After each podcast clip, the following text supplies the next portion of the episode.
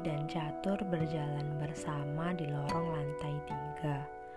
Mereka baru saja dari kantin untuk makan siang. Kalau bertanya ke mana curut tiga itu, mereka sedang menuju ke masjid. Sengaja sholatnya belakangan supaya bisa terus lanjut tidur. Curut tiga, iya maksudnya Akmal, Juki, dan Asep. Jadi beli apa lo kemarin? Tanya Abai yang berdiri di samping Kirana. Beli bandul kayu, polosan. Jawab catur dengan nada yang setengah jengkel. Serius? Tanya Abai meyakinkan.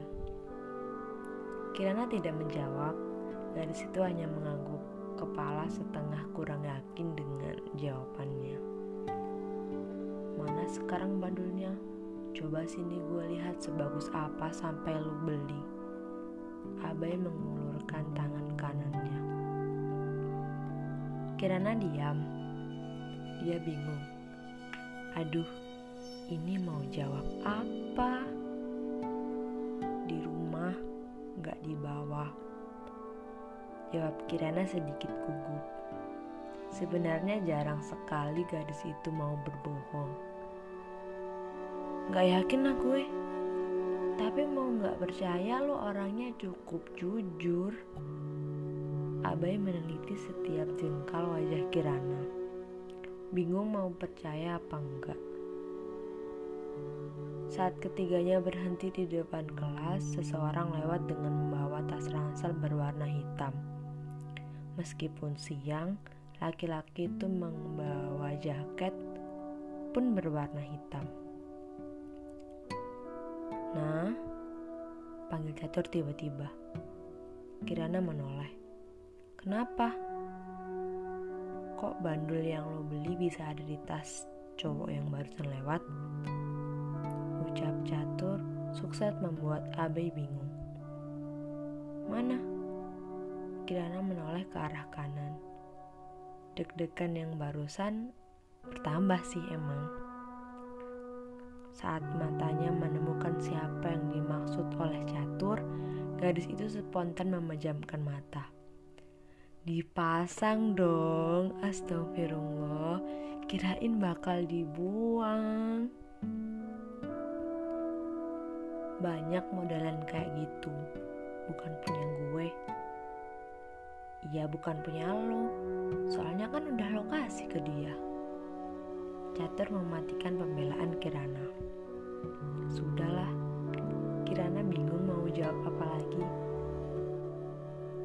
Maksudnya apa ini ya Tuhan? Abdi tengartos. Abai frustasi. Bingung itu Kirana sama Catur lagi bahas apa. Gak usah berurusan sama dia. Gue cuma ngasih saran. Catur kembali berucap. Kenapa sih? Siapa? Tanya Abai lagi. Cuman kasih saran. Kirana hanya diam. Kalau Catur bilang itu, biasanya ada apa-apa. Tapi Kirana juga bingung lagi. Catur kadang suka iseng ngasih wejangan, padahal nggak apa-apa. Ya udahlah, ikut kata hati aja.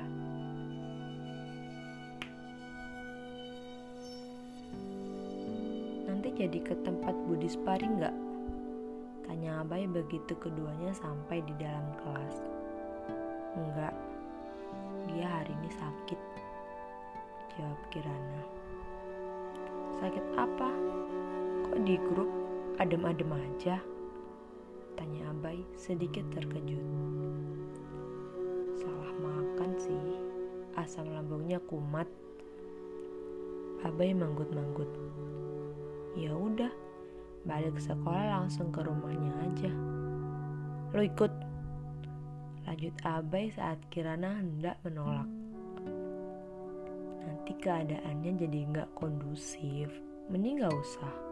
Dia pasti tahu kenapa gue nggak bisa ke sana. Kirana mencoba menjelaskan.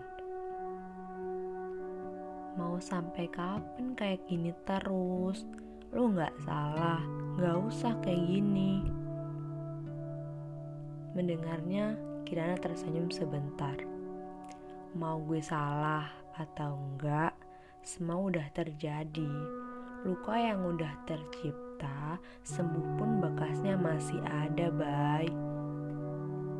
Coba aja dulu, nggak capek ngehindar terus. Kesannya lo emang salah, nah.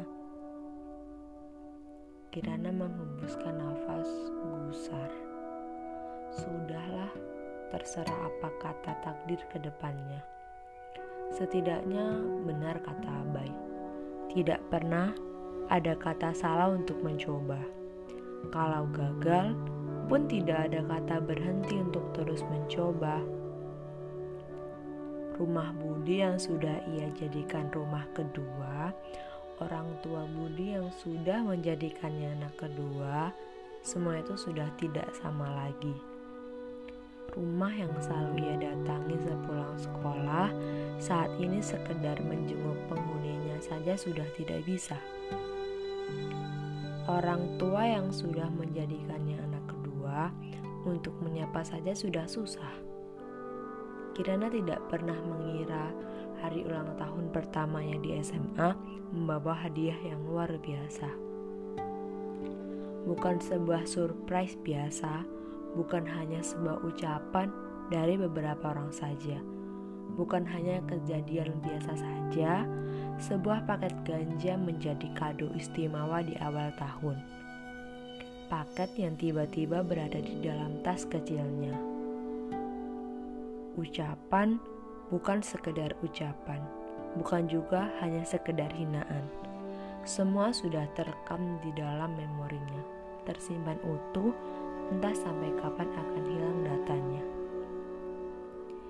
Kejadian di siang yang membawa mimpi buruk baginya, tapi siapa sangka seorang Jeva Prabudi menyerahkan diri demi seorang Kirana. Si gadis yang gadis itu menganggap dirinya terlalu menyusahkan dan kesepian. Gue tahu lo gak salah, gak usah khawatir, semua bakal baik-baik aja. Dua kalimat itu yang sampai saat ini Kirana ingat dengan jelas. Untuk kalimat buruk lainnya, Kirana hanya ingat teriakannya, tidak dengan kejelasan katanya. Nah, Abai menyenggol lengan Kirana. Jangan bengong. Enggak, ngantuk dikit. Kirana tersenyum. Apa pun yang terjadi, Kirana hanya bisa untuk terus tersenyum. Mungkin sampai keadaan bisa dikatakan sudah benar-benar saja.